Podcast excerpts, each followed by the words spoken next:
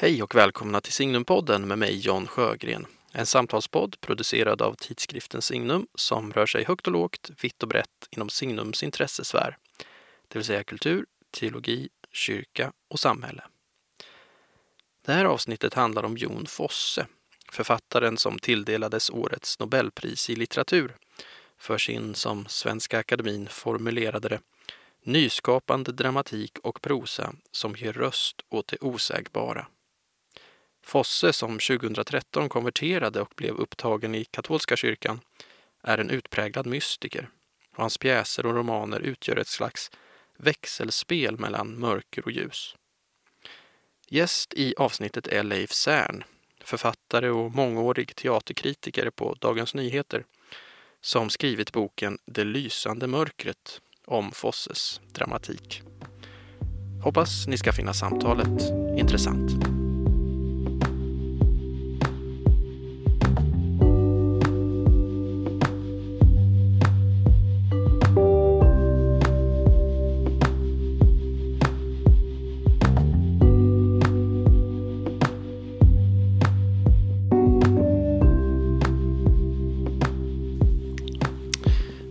Välkommen tillbaka till eh, Signumpodden Leif Cern. Ja, tack så mycket. Eh, du var ju med faktiskt väldigt tidigt i den här poddens eh, historia. Jag tror att du var den andra gästen faktiskt i det andra avsnittet. Ja, ja. Och då pratade vi om Shakespeare kommer jag Just ihåg. det. Mm, mm, mm. Och idag ska vi prata om en annan stor dramatiker som faktiskt under en period var mer spelad i världen än Shakespeare. Menar du det? Ja, det, det ja. var där när, när Fosse var som allra störst. Så, Ja. så var han större än Shakespeare ett tag. Mm. Eh, Jon Fosse då såklart. Nu har det gått ungefär en, en vecka här sedan han tilldelades Nobelpriset. Hur, eh, hur reagerade du när du fick höra att han fick Nobelpriset? Han var ju, han var ju alltid med i spekulationerna, Ja. men blev du överraskad eller? Han var ju väldigt favorittippad eh, den här gången alldeles mot slutet. Men jag, jag, min första reaktion var att jag trodde att det var ett skämt. Jag, jag var så inställd på att han kunde få det, har varit i ganska många år. Han har ju legat, framförallt för en del år sedan så belägrade ju journalister hans, hans hus nere i Österrike och eh, där han bodde och då, då, och, och då blev det ju ingenting. Men så jag tänkte att ja, han ligger väldigt bra till men han kommer inte att få det. Nej. Så att, eh, och, men jag tyckte naturligtvis att det var väldigt roligt och rättvist och, eh, och eh, ja, när, när, när, när liksom den värsta dramatiken har lagt sig väldigt också, ja, väldigt självklart på något sätt. Mm. Jo men det är ju sådär när, när någon får den som har varit tippad så länge och som är en sån självklar kandidat. Ja. Tycker jag. Så, så när man väl får det så blir man ändå överraskad. Ja, Jaha, visst, ja. ja. det Ja. blev i Fosse till slut. Ja, Ja, ja, ja. men jag blev ju också Han blev nog lika överraskad själv. Ja, det verkar som det. Men han blev ju glad sa han ju. Så Ja, han är det så faktiskt. Ja, eh, ja, ja. Han är en väldigt skygg person och sådär. Mm. Men han, det verkar som att han var genuint glad Mm, faktiskt. Ja. Eh, ja, men ska vi börja i eh, kanske ditt första möte med Fosse? Du har ju skrivit en väldigt fin bok som, jag vet inte, när kom den första gången? Den kom 2007. 2007? Ja, just det. Den kom, kom faktiskt först på nynorska. Ja, just det. Eh, för det var eh, Fosses förlag, Mm. det norska samlaget i, i Oslo som, som eh, frågade om jag hade lust att skriva den. Eh, och eh, sen kom det rätt, snabbt på, på i svensk, i, inte i svensk I översättning, men, men, eh, men på svenska. Så att det är ju en del år sedan. Mm. Och eh, under tiden har ju Fosse också tagit en lång paus i eh, pjässkrivandet. Eh, inte omedelbart då, men ett antal år senare. Så att eh, nu, nu ja, jag har ett annat perspektiv. Men jag, jag, jag kom i kom i kontakt med honom väldigt tidigt eh, när han bara hade skrivit några, kanske två, tre pjäser möjligen på 90-talet. Eh, jag kände till honom som författare tidigare som eh, prosaförfattare framför allt. Han var till och med översatt till svenska en del och jag tror att det hade att göra med att eh, han hade några generationskamrater i den svenska unga litteraturen. Mm. Till exempel Ola Larsson och Steve Sandberg, Sem Sandberg. Och som var intresserade av honom och mm. de, de, hade kontakt. Lars Sandberg har väl översatt honom också? Ja, just det. Just det. Så att um, han, var, han var inte okänd. Men att han skulle skriva dramatik det var ju väldigt osannolikt. För att det fanns ingenting i hans prosa som pekade på, på, eh, på, på, på teaterscenen alls. Men det var lite grann en slump att jag såg den första pjäsen. Jag var ju i Oslo på en Ibsen-konferens. Mm. Och då råkade jag tala med Berit Gullberg som redan då var Jon Fosses teaterförläggare som sa att äh, du måste gå på Nationalteatern och se en pjäs av Jon Fosse som, som, som äh, är, är jag, jag, tror han kommer bli en stor dramatiker, en världsdramatiker. Jag tänkte, ja, hon är ju hans förläggare så hon gör ju klart hon, hon måste säga för så. sina ja. författare. Så att, men jag, jag var ändå intresserad eftersom jag visste att han var en spännande författare. Så jag gick och tittade på pjäsen som heter Barnet och blev eh, knockad mer eller mindre av det. Tyckte det var oerhört bra och råkade ut för någonting som man sällan gör som kritiker. Man upplever att det här är skrivet för mig ja. på något sätt. Ja. Och, eh, och, eh, eh, och ja, det, var, det var ju uppenbart att han skrev på ett sätt som han var ja, helt, helt ensam om får man nog säga, även om det går att och naturligtvis att placera in honom i, i, i teaterns, dramatikens mm. historia. Men mm. det var ju väldigt personligt. Alltså. Ja, precis. För du beskriver ju det i boken också. att det, mm, Precis, att det var en personlig upplevelse, att du blev verkligen berörd av det på ett personligt ja, plan. Ja. Kan du sätta ord på det? Liksom? Ja, vad, alltså var det i det som, som berörde så ja, mycket? Jag tror att det var någonting som jag som under, under, under lång tid har uppskattat både i litteraturen och i filmen men sällan har mött på teatern. Alltså en sorts eh, vad ska jag säga, närvaro som var väldigt stark och som jag också uppfattade som eh, religiöst färgad. Och, eh, eh, eh utan att jag först omedelbart kunde liksom peka så tydligt på det men det var en stark upplevelse av någonting. Och mitt först, min första tanke var ju att Fosse var katolik. Mm alltså. och, eh, och det här var 96? Ja, 96 något sånt. Ja, just det.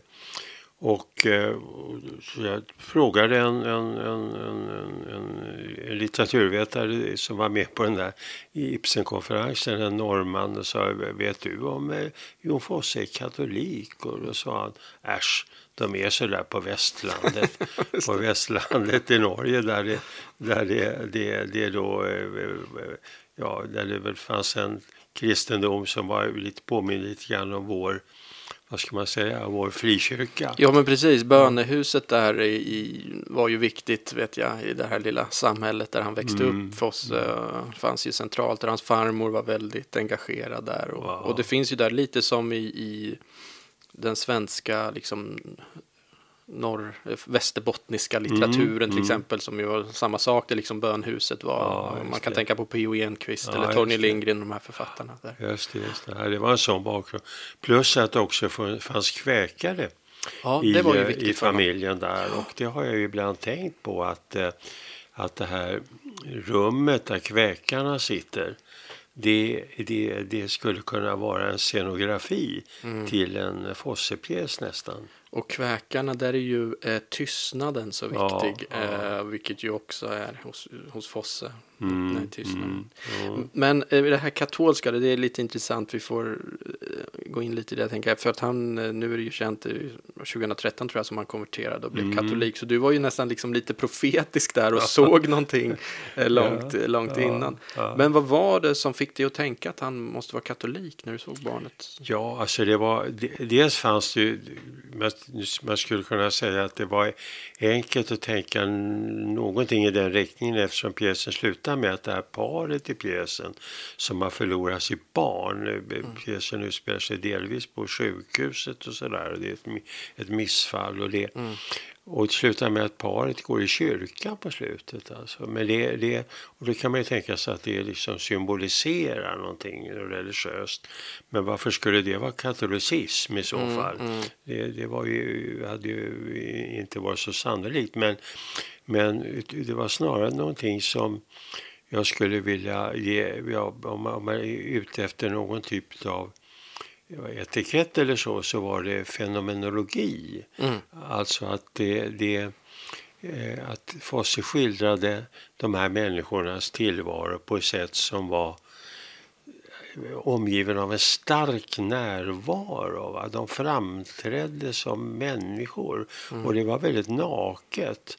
Och det som gjorde upplevelsen så stark det var att de inte var, ska jag säga, de hade inga diagnoser, man fick ingenting veta om deras, deras bakgrund. Det var ingenting som man möter i den till exempel, psykologiska realismen eller naturalismen på teatern. Hos Ibsen till exempel, där är ju varje person bestämd på sätt. Va? Man, man Mm, vet mm. att någon är livslögnare Visst. att någon annan är, är neurotisk eller på något sätt. Va? Och här var det tvärtom. Det, var liksom, det fanns inte något sånt. Nej. Och men, men ändå den här starka närvaron. Och den har jag ju mött i en del, den förknippar jag väldigt starkt med en katolsk eh, Ja. hållning. Det Eh, finns någonting i själva, vad ska man säga, människosynen eller alltså bilden av människan och det är väl liksom också, det är fenomenologin och det är antropologin också på något sätt. Mm. Jag vet, jag såg barnet eh, när de satte upp den på Dramaten 2015. Och så tipsade jag en, en vän i min katolska församling att gå och se den där pjäsen. Den var för, jag tyckte det var en jättefin uppsättning och otroligt stark pjäs. Så kom han tillbaka och så sa, men du, de spelar ju en anti-abort-pjäs på Dramaten. Eh, och då sa jag, jaha, ja, men... Och, och självklart, den är inte liksom något, den handlar ju inte om det, utan den handlar om någon Nej. som förlorar ett barn. Eh, Och den liksom går inte in i den debatten på något sätt. Men det som han såg, och det jag tror han menar, är att det är en sån katolsk syn också på det här lilla barnet. Alltså livets helighet, varje, Ja. alltså som är... Eh, ja, men det finns en katolsk människobild också Ja, där bakom. Där liksom varje människa är en uppenbarelse av Gud på något Mm, sätt. Och, och, eh, så det var väl det han såg. Ja, eh, liksom, ja. Som han då uttryckte det. som, men vad håller de på med på Dramaten? Mm, Får man spela ja, anti-abortpjäser på Dramaten? Eh, Ja. så han tolkade ju så då med sin katolska blick på Ja, ja, just det. Ja, men det stämmer ju att det, att det är en sorts, eh, ja vad man nu kallar för, en sorts helighet som eh, liksom träder fram ur, ur, ur hans, den värld han, eh, han, han då beskriver, gestaltar på scenen på ett sätt som är väldigt ovanligt på teatern. det. Livets eh, liksom, mirakel och Ja, helighet på något sätt. ja faktiskt alltså.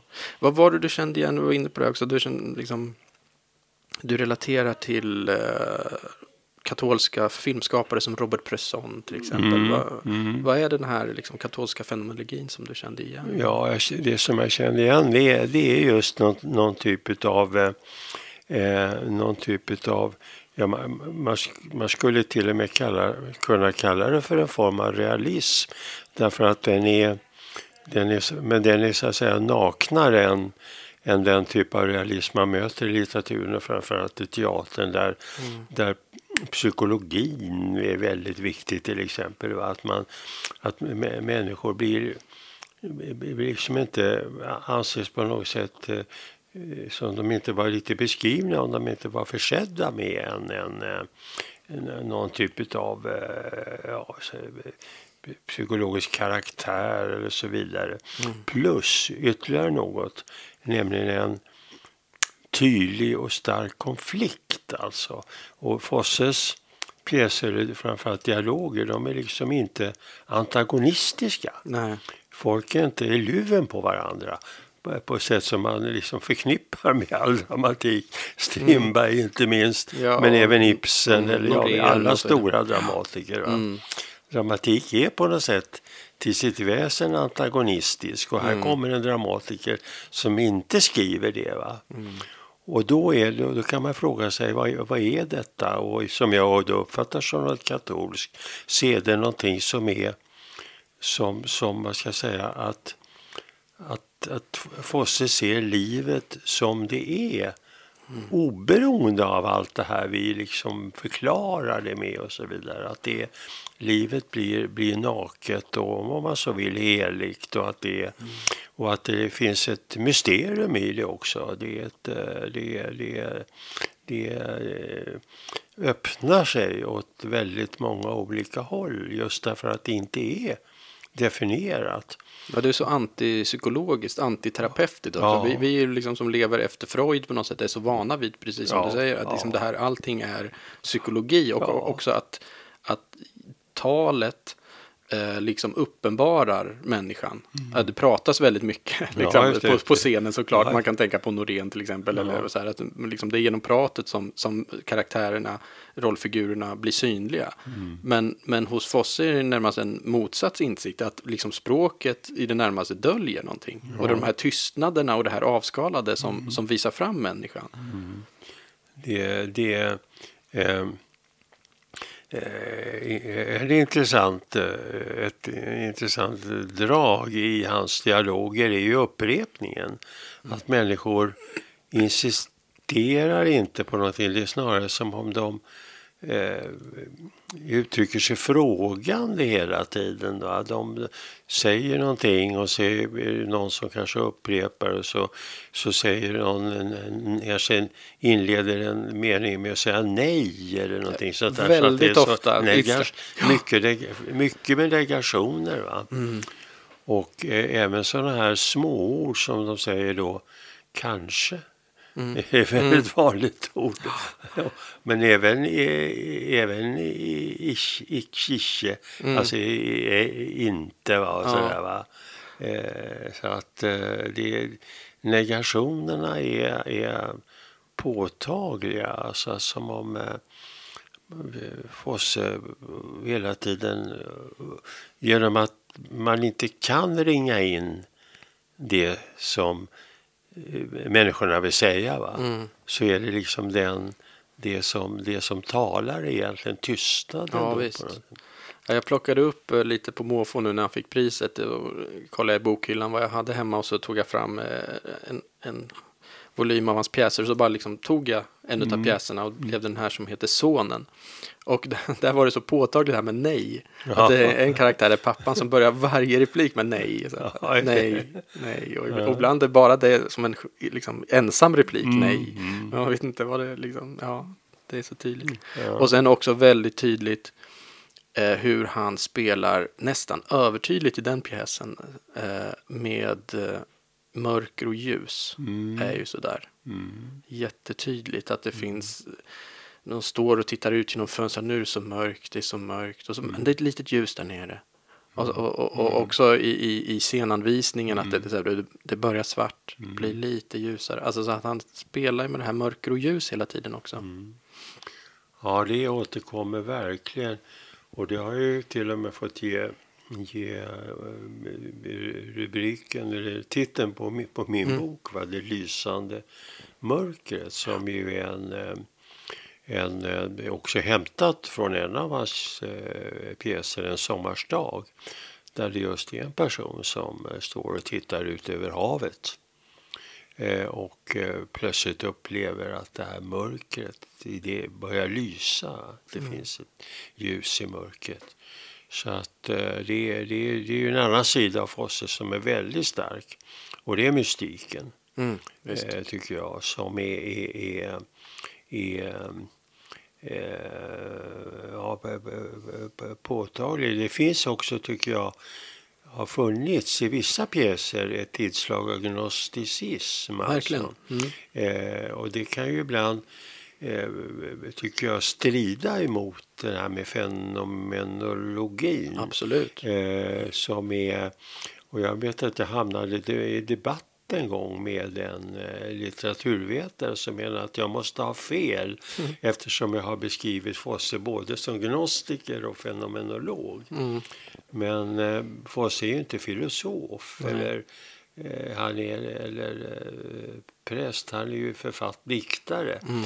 Och det är liksom en konflikt kanske hos honom det där liksom att det, det Jo, men det finns ju det här gnostiska, det är väldigt tydligt och det, det tror jag han har skrivit om själv också. Ja. Han, han gav ju ut en essäsamling som hette Gnostiska Ja, essäer. Alltså, så att jag menar, han, han har ju varit inläst på en del gnostisk litteratur helt klart och känner till den traditionen. Och, men, och det finns ju den här, jag menar det tänkte jag också på när jag läste Fosse första gången, för det är den här Ja, men den gnostiska världsbilden är ju liksom att, att man, människan är i, inkapslad i den här materiella världen som i någon mening är ond då va. Och så finns det, men det finns en lju, gnista, en ljus, liksom gudagnistan som ska liksom fly världen.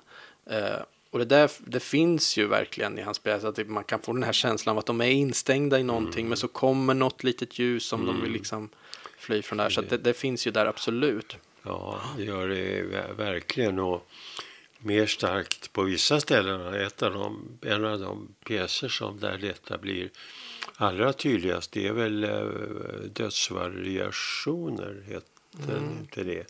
Jo, det finns någon som heter Ja, det. Jag kommer det, inte ihåg det. hur den är riktigt. Nej.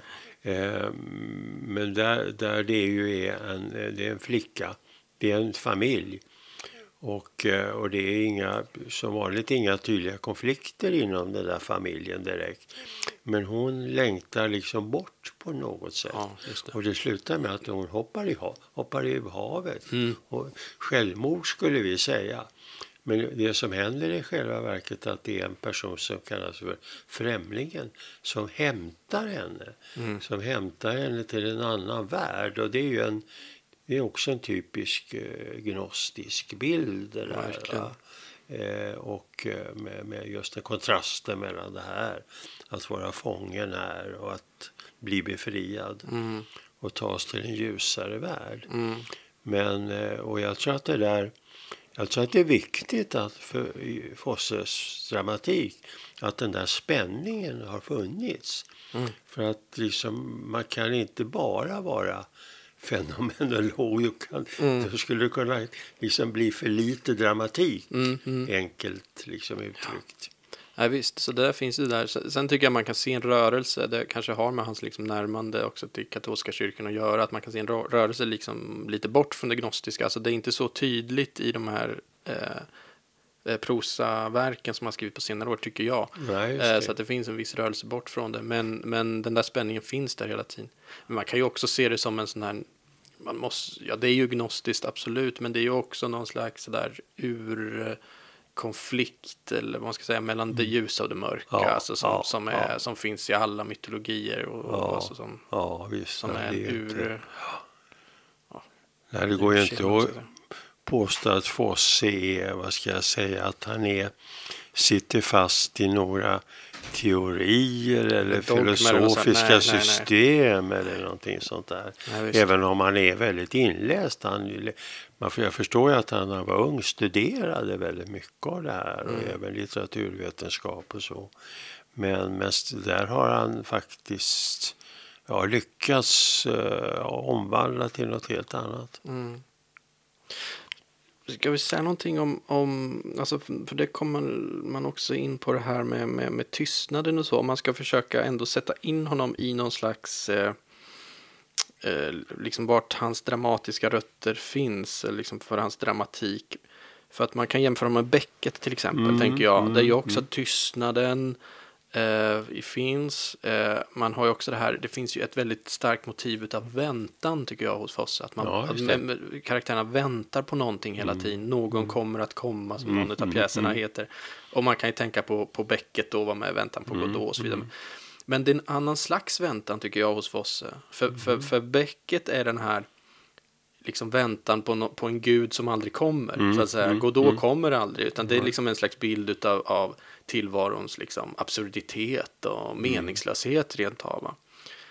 Eh, det är inte det hos Fosse skulle jag säga, utan där är tystnaderna och, och den här väntan blir en öppning mot någonting större. Mm. Mot Gud då snarare, mot det stora mysteriet som hos Beckett snarare inte alls finns, utan det, det mynnar ut i det stora ingenting på något sätt. Mm, mm. Håller du med om den, eller hur ska man förstå hans förhållande till till, till exempel Beckett? Ska man, ska man läsa Ja, honom i den traditionen, eller? Det är intressant faktiskt därför att jag, jag pratade med en, en, för inte så länge sedan med en ung forskare som intresserade sig för, fors, för Fosse och sa just det där men man, man måste väl ändå placera in Fosse i en så att säga, tradition mm. i, i, så att säga, europeisk dramatik och där Beckett är viktig och, och, och eh, jag har väl själv nämnt Beckett i olika sammanhang, liksom Harold Pinter. Mm. Och det är ju sant, man får ju inte göra eh, Fosse helt och hållet till en till liksom en e helt och hållet egen Nej. årsring i dramatiken. Han måste ju liksom också påverkas av andra. Så att jag tror att det här närheten till Becket är, är, stor. Jag tror att Becket har varit väldigt viktig för honom. Men att det, det som du var inne på, att det är en annan sorts väntan. Becket, hos, hos Becket är ju nihilist. Mm. Skulle jag nog vilja påstå mm. ändå. Ja, av, kan man säga. Även om man, man ofta har roligt i sällskap. ja, men det har man ja, men, men, eh, men där är det absurditet liksom, ja, som inte det. finns hos Fosse. Ja, riktigt. Det är inte det. Va? Utan för, hos Fosse är väntan någonting som, eh, som eh, på något sätt också skapar en just det, är med om att skapa den här märkliga närvaron. Mm. Att samtidigt som man väntar på någonting som ännu inte har kommit uppenbarligen så är det, är det liksom tillräckligt för att fylla livet med någon form av helighet eller mm. ett mysterium och så vidare. Mm. Och så är det absolut inte hos Becket alltså. Så att det är, det är inte samma väntan även om, även om Fosse har lärt sig en del av, av ja. Beckett också. Ja, precis. Han kommer, men det är en bra poäng för att man, precis din initiala känsla du såg barnet där och, och, man kan lätt få det här, det kommer från ingenstans, men det är ja. klart att han också arbetar i någon slags tradition mm, såklart, mm, även om mm. han kommer med något som är väldigt nytt. Mm. Han är ju på sätt och vis originell så det är lätt att att glömma att mm. han också är en produkt av, eh, av en tradition och så Och till det där bidrar ju också det att han, som han själv har förklarat, att han, han var han, han, han har aldrig gillat teater. Nej, han hatade teater rent av. Ja. Ja. Och, eh, så att eh, det är en paradox att han har hamnat där. Ja. Och det, just den paradoxen tror jag liksom lever i det han har skrivit för scenen också. Ja, men det finns någonting i det där att för att bli en riktigt bra dramatiker så kanske man måste ha ett litet sunt teaterhat. Ja, just det. Ja. man kanske jobba emot. Liksom, ja, just det. Ja, nej, men det är ju många som har haft.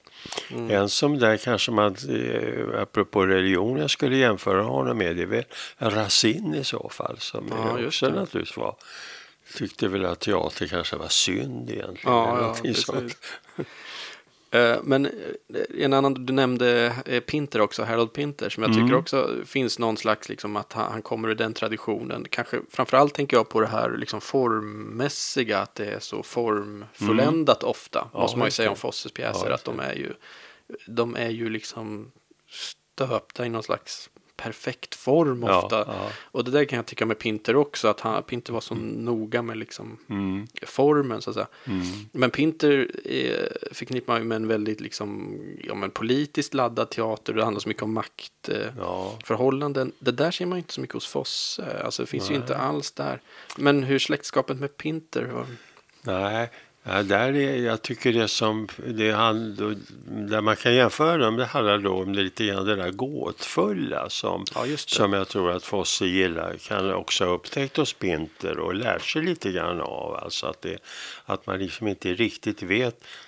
Hos Pinter är det ju tydligare konflikter och han är ju inte minst intresserad av maktkamp mellan mm. människor. Det behöver inte handla om politiska saker, även om det gör det ibland. Men det kan ju också vara på familjenivå så att mm, säga. Mm. Men, men hos, eh, eh, hos, eh, hos, hos Fosse blir det där går, slår det där gåtfulla då över i någonting annat mm. som är, är, är, är, inte är jag menar, hos Pinter är det ju just vad man skulle vilja säga dramatiskt. Va? Ja, Medan hos Fosse vrider dramatiken åt ett annat håll. Så att, ja, just det.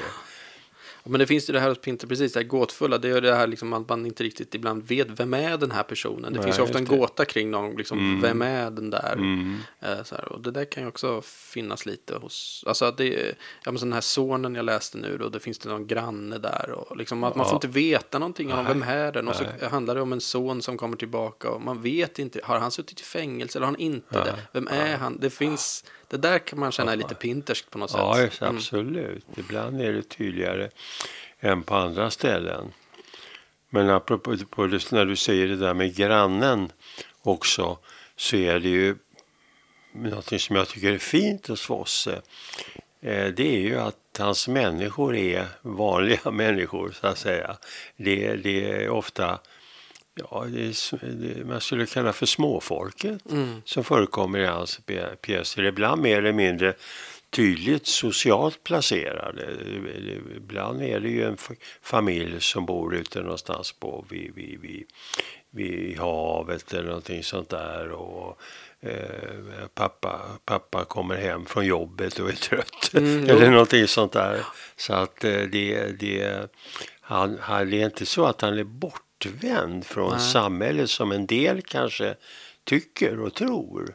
Utan det är som om man hela tiden solidariserar sig med de här människorna som lever vid sidan av, som inte låter tala om sig och som inte är rika och som inte, ja, som Mm. finns Visst. helt enkelt. Ja, det är vanliga människor, Ja, är det alltid. ja. Eh, och att det, det liksom att de också är då indragna i det här liksom större dramat, eller ska säga. Mm, Alltså, liksom i, i, i Guds stora drama, Ja, eller vad man ska ja, säga. ja. Det finns ju den här romanen Morgon och kväll som kom Mm. år 2000 som ju handlar om den första dagen och den sista dagen i en persons liv, den här Johannes. Och så ser han tillbaka liksom, på sitt liv som och varje dag har varit liksom likadan. Han, han har fiskat liksom. Men så finns en så oerhört fin liksom, försoning på något sätt på slutet med sitt liv. Att det har varit liksom bra Mm, och fint. mm, och, liksom, och, och, och det finns det här liksom, gudomliga, mystika stråket genom hans helt vanliga liksom, Mm. Ja. fiskarliv på något sätt. Det finns någon, uh, ja, något fint i det där att det är de vanliga människorna och Ja. det odramatiska liksom, livet som är samma sak hela tiden. Men ändå är det något gudomligt i det. Liksom. Det där är väl en av anledningarna till att Fosse också har varit missförstådd och eh, ibland inte ens uppskattad av folk. Samtidigt som han är spelad eh, så enormt mycket över hela världen och eh, översatt till eh, i stort sett alla språk som finns. Så har det också funnits en brist på förståelse för, för honom och, eh, och eh, just där i frånvaron av tydliga konflikter och så där har man tyckt att det är, är det dramatik egentligen. Mm. Och, eh, och, eh, eh, jag tycker också att rätt många uppsättningar som man har sett av hans pjäser har varit, varit eh, ja, på något sätt som om de försöker fylla i någonting som man menar saknas Ja, honom. det. Det liksom, jag får ändå peta in lite psykologi, lite mera konflikter och sådär. Alltså. Just det, men man ska bara låta det vara. Ja, ja. ja. Det, och därför har jag tycker då de, många av de bästa Fosse-föreställningar jag har sett det har varit eh, faktiskt i Frankrike och i Tyskland eller eh, ty, tyskspråket i alla fall, i, Mm. också i Zürich och sådär. Eh, och, eh, medan här, och det har funnits mycket bra här också, absolut. Eh, Gunnel Lindblom till exempel. Och så, så att det är det. Eh, men, men det är intressant att se att, eh, att han är en udda Ja, fortfarande va? Eh, Ja, som inte riktigt passar in i...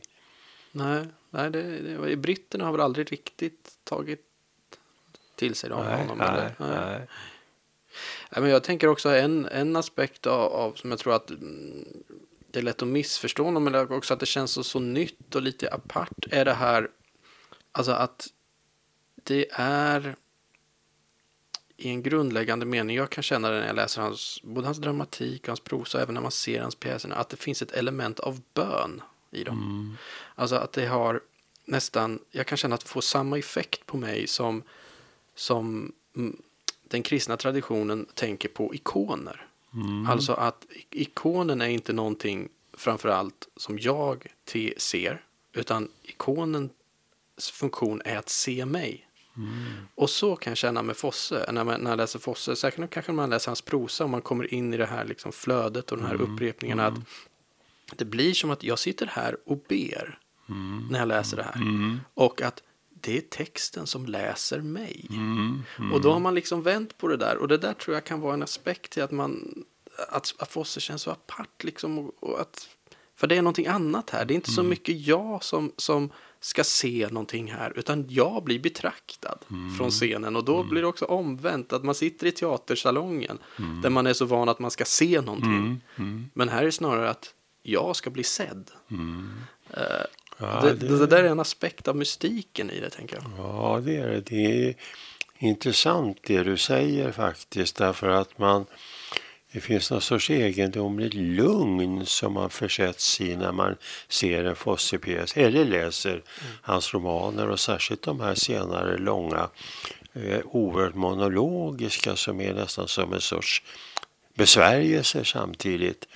Att, att eh, att jag, jag, jag förväntas inte på något sätt reagera på det vanliga sättet. Alltså att eh, tycka illa om eller bli upprörd eller så. Utan jag försätts i ett tillstånd istället. Och det, och det, det, det, det skapas av det där som jag läser eller tittar på. va.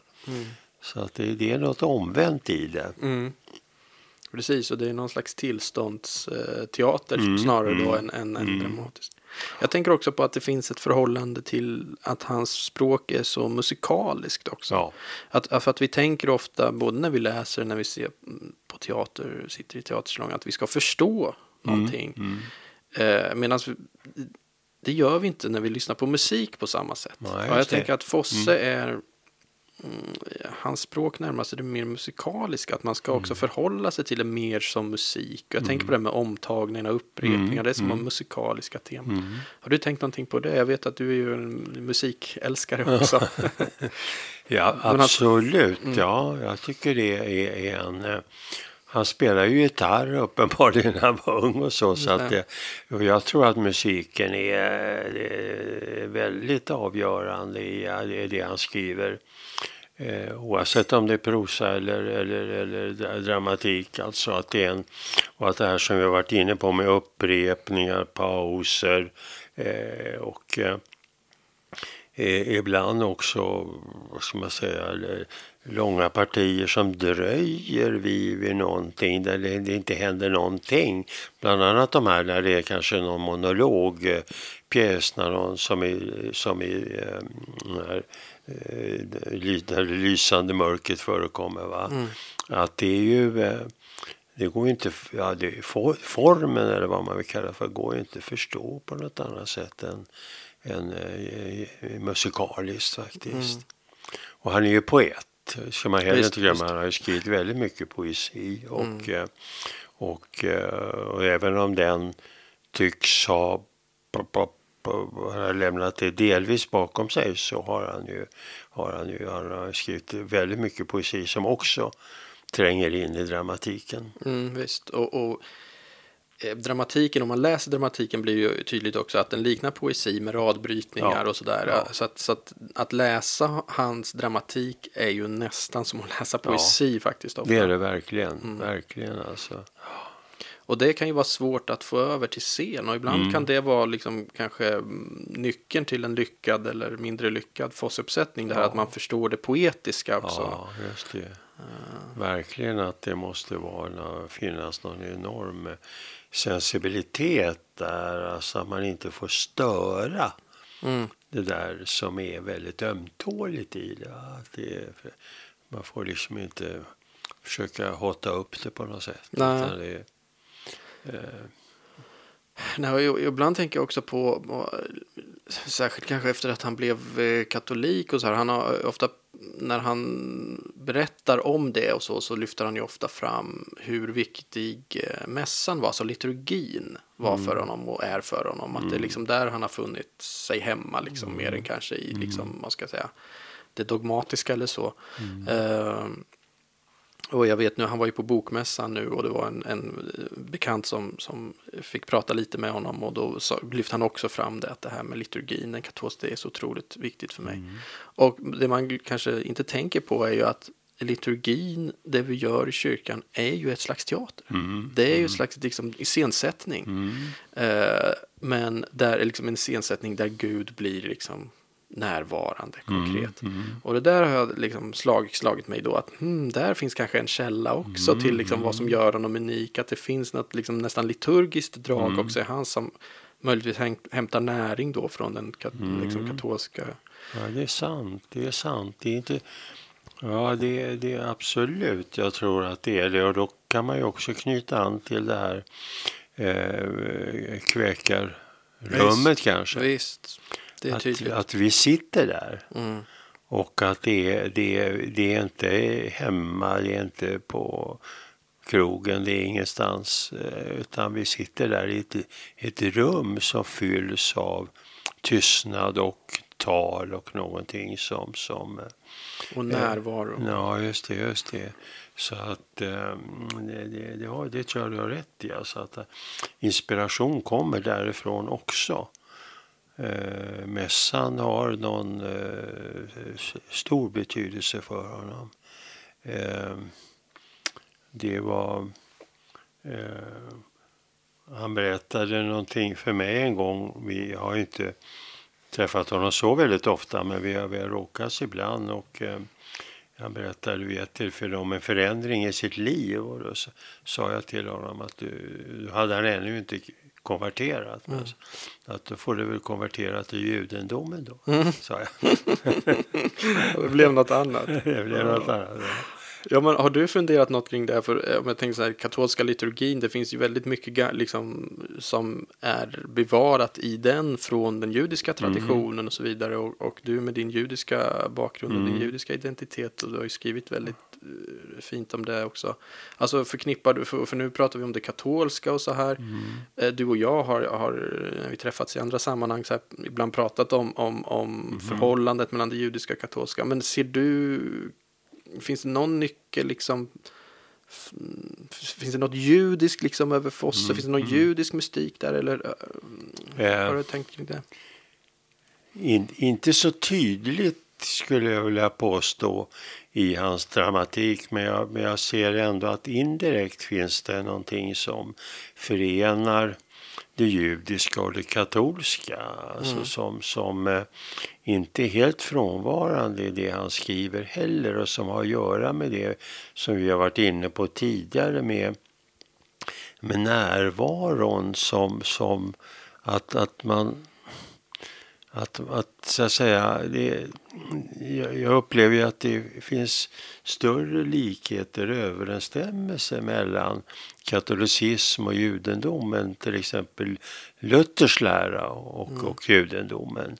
Eh, som har att göra med det där, alltså att man på något sätt ser och accepterar livet som det är för att uttrycka det mm, enkelt mm, också. Och att eh, i det ingår allt möjligt, även lidandet till exempel. Det är någonting som, som, som, som det är ingenting som man måste omedelbart gripas av ångest för eller, eller så, utan det är mer ett, sätt att acceptera att det här tillhör livet, så här, det, är, det här är livet. Mm.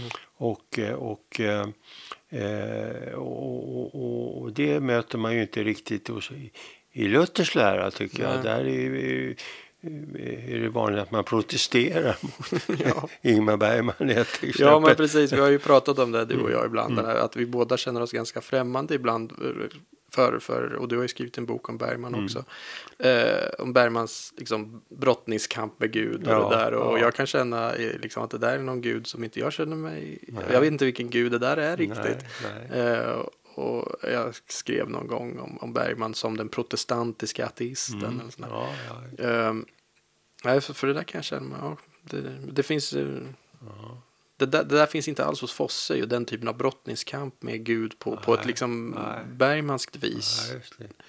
Nej, det är, jag, jag, jag har ofta tänkt på att jag även i min läsning av prosa och sådär har, har, har fastnat för katolska författare.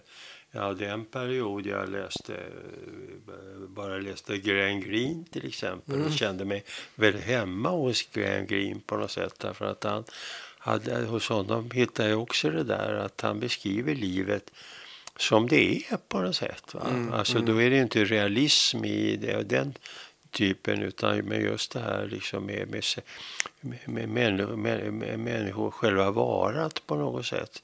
Att man, man, man, eh, att, att, man, man, att man också tvingas acceptera det på ett sätt som, mm.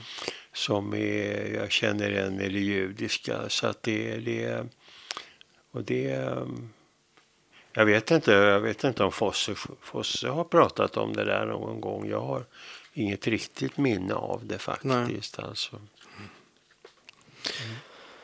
Om man jämför, du är inne på, på Bergman här, om man skulle jämföra Fosse med Norén till exempel. Mm. Eh, de nämns ju ofta sådär i samma andetag. Mm. Ganska givet eftersom de är de två största nordiska dramatikerna på liksom senare mm. tid.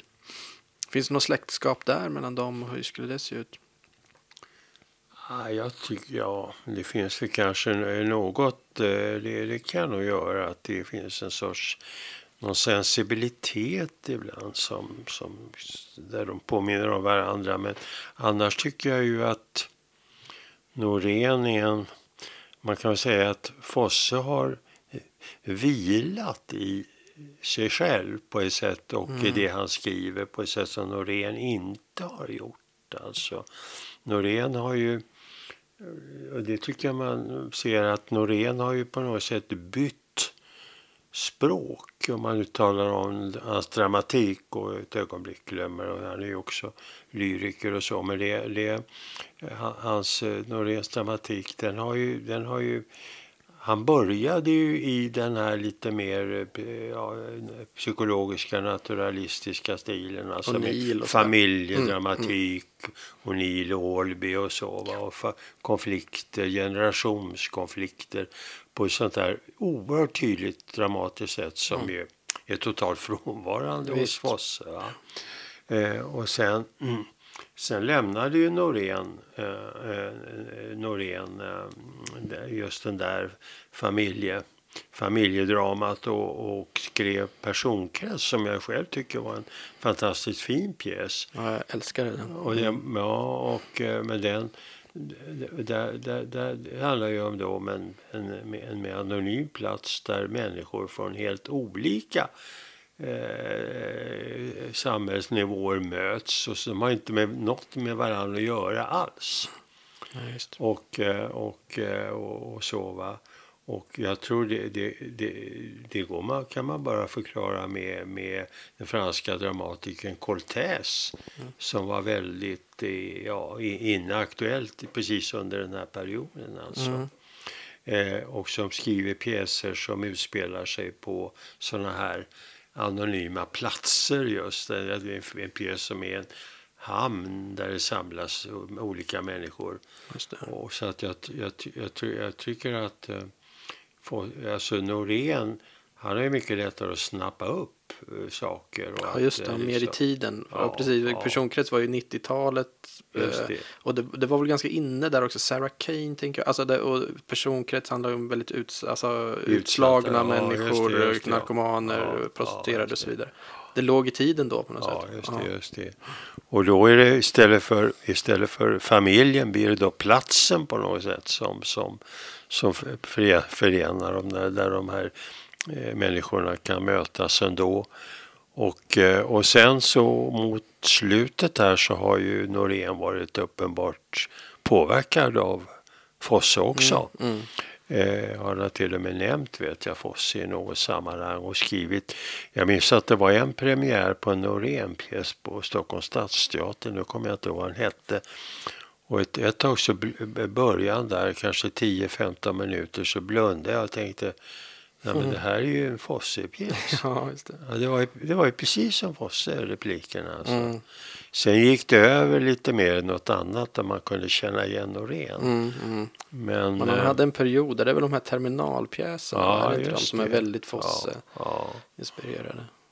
Jo, så att eh, jag tycker nog, för, för mig är det Ja, det, är, det, är, det är två, två olika världar Mm, faktiskt. jo, men jag kan nog hålla med om det. Mm. Man, alltså Fosse var ju en mystiker måste man Absolut. ju säga och det, det är ju inte Norén på Nej, samma nej. mening. Du, hur skulle man liksom, nu har vi det vi har pratat om mycket men eh, hur man skulle definiera hans mystik. För du, du är inne i din bok så skriver du bland annat om, om Mäster Eckhart. Eh, Mm, och, mm. och liksom det här med att det, det, och också att Norén, eller Fosse skriver liksom inte idédramatik. Att det, det här, liksom, Eckhart har den här idén om att eh, det finns liksom inget syfte med, med liksom Gud eller så. Eller liksom att det handlar om att låta vara och Gud svarar inte på något varför. Mm. Utan så här, Gud vilar i sitt eget väsen och sånt. Mm. Mm, och man måste göra sig tom för att kunna förnimma Gud. Ja, det där tycker jag ringar in liksom, Mm. Fosses mystik väldigt bra. Mm, Att det är något mm. sånt.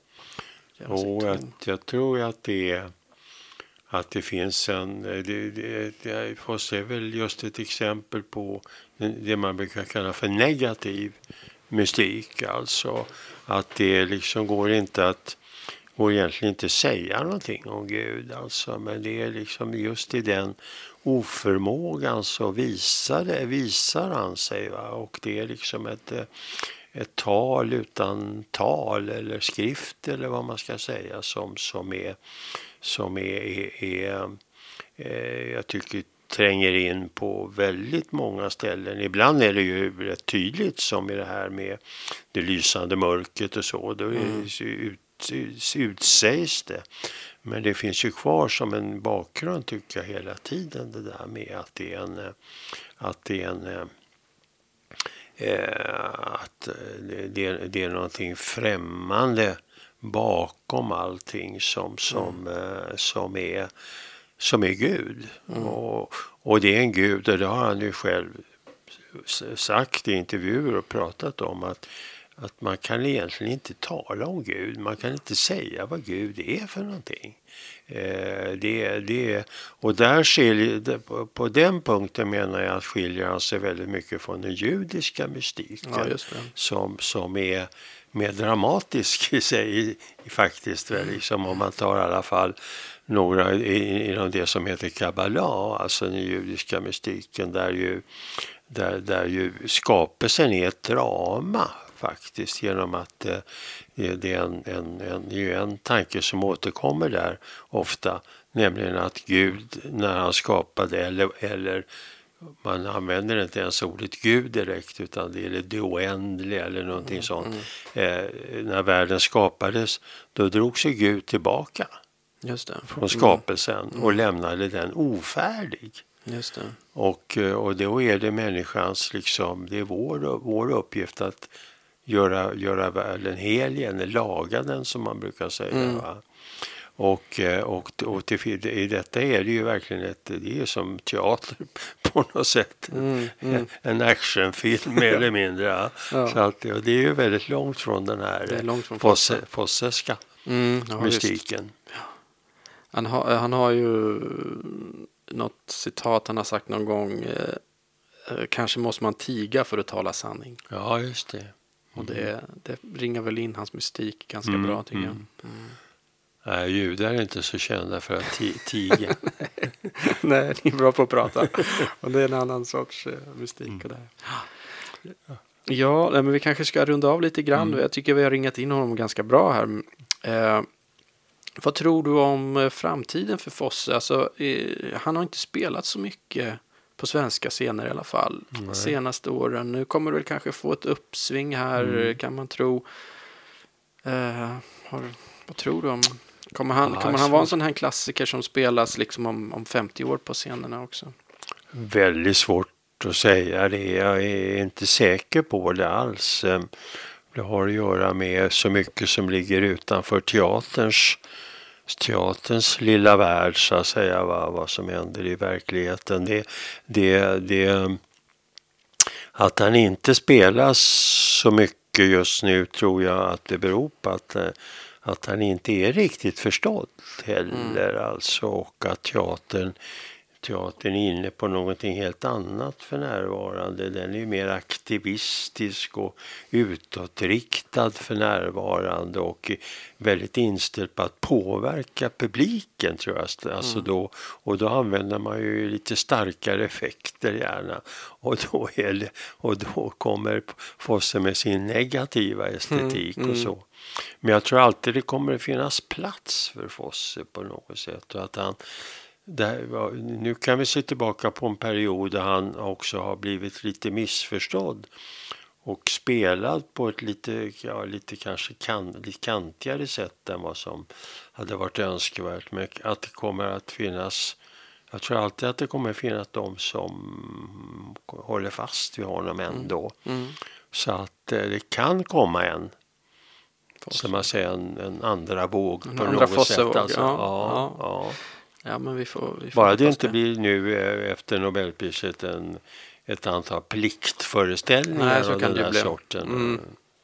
Precis, men de som kanske inte riktigt förstår honom då. Nej, just det. Nej, Ja, men vi får se. Jag hoppas att han lever kvar. Om inte annars så finns det ju kan man läsa hans pjäser och hans prosa som är fantastiskt läsvärd. Man måste säga att han är en väldigt läsvänlig dramatiker också. Ja. Så om man vill läsa hans pjäser så går det. Och de har ju kommit flera nu i, i här på Fighton förlag som ja, håller på att ge ut honom. Just så det. Att, eh, kan Nej, rekommenderas. Mm, och det har ju delvis att göra med den där poesin. Alltså Visst. det är lite grann som att läsa poesi. Det är det. det, är det. Mm. Tack så mycket Leif ja, Cern ja. för att du gästade ja, Singelpodden. Och eh, tack alla ni som har lyssnat och lyssna gärna på oss igen i nästa avsnitt. Hej så länge!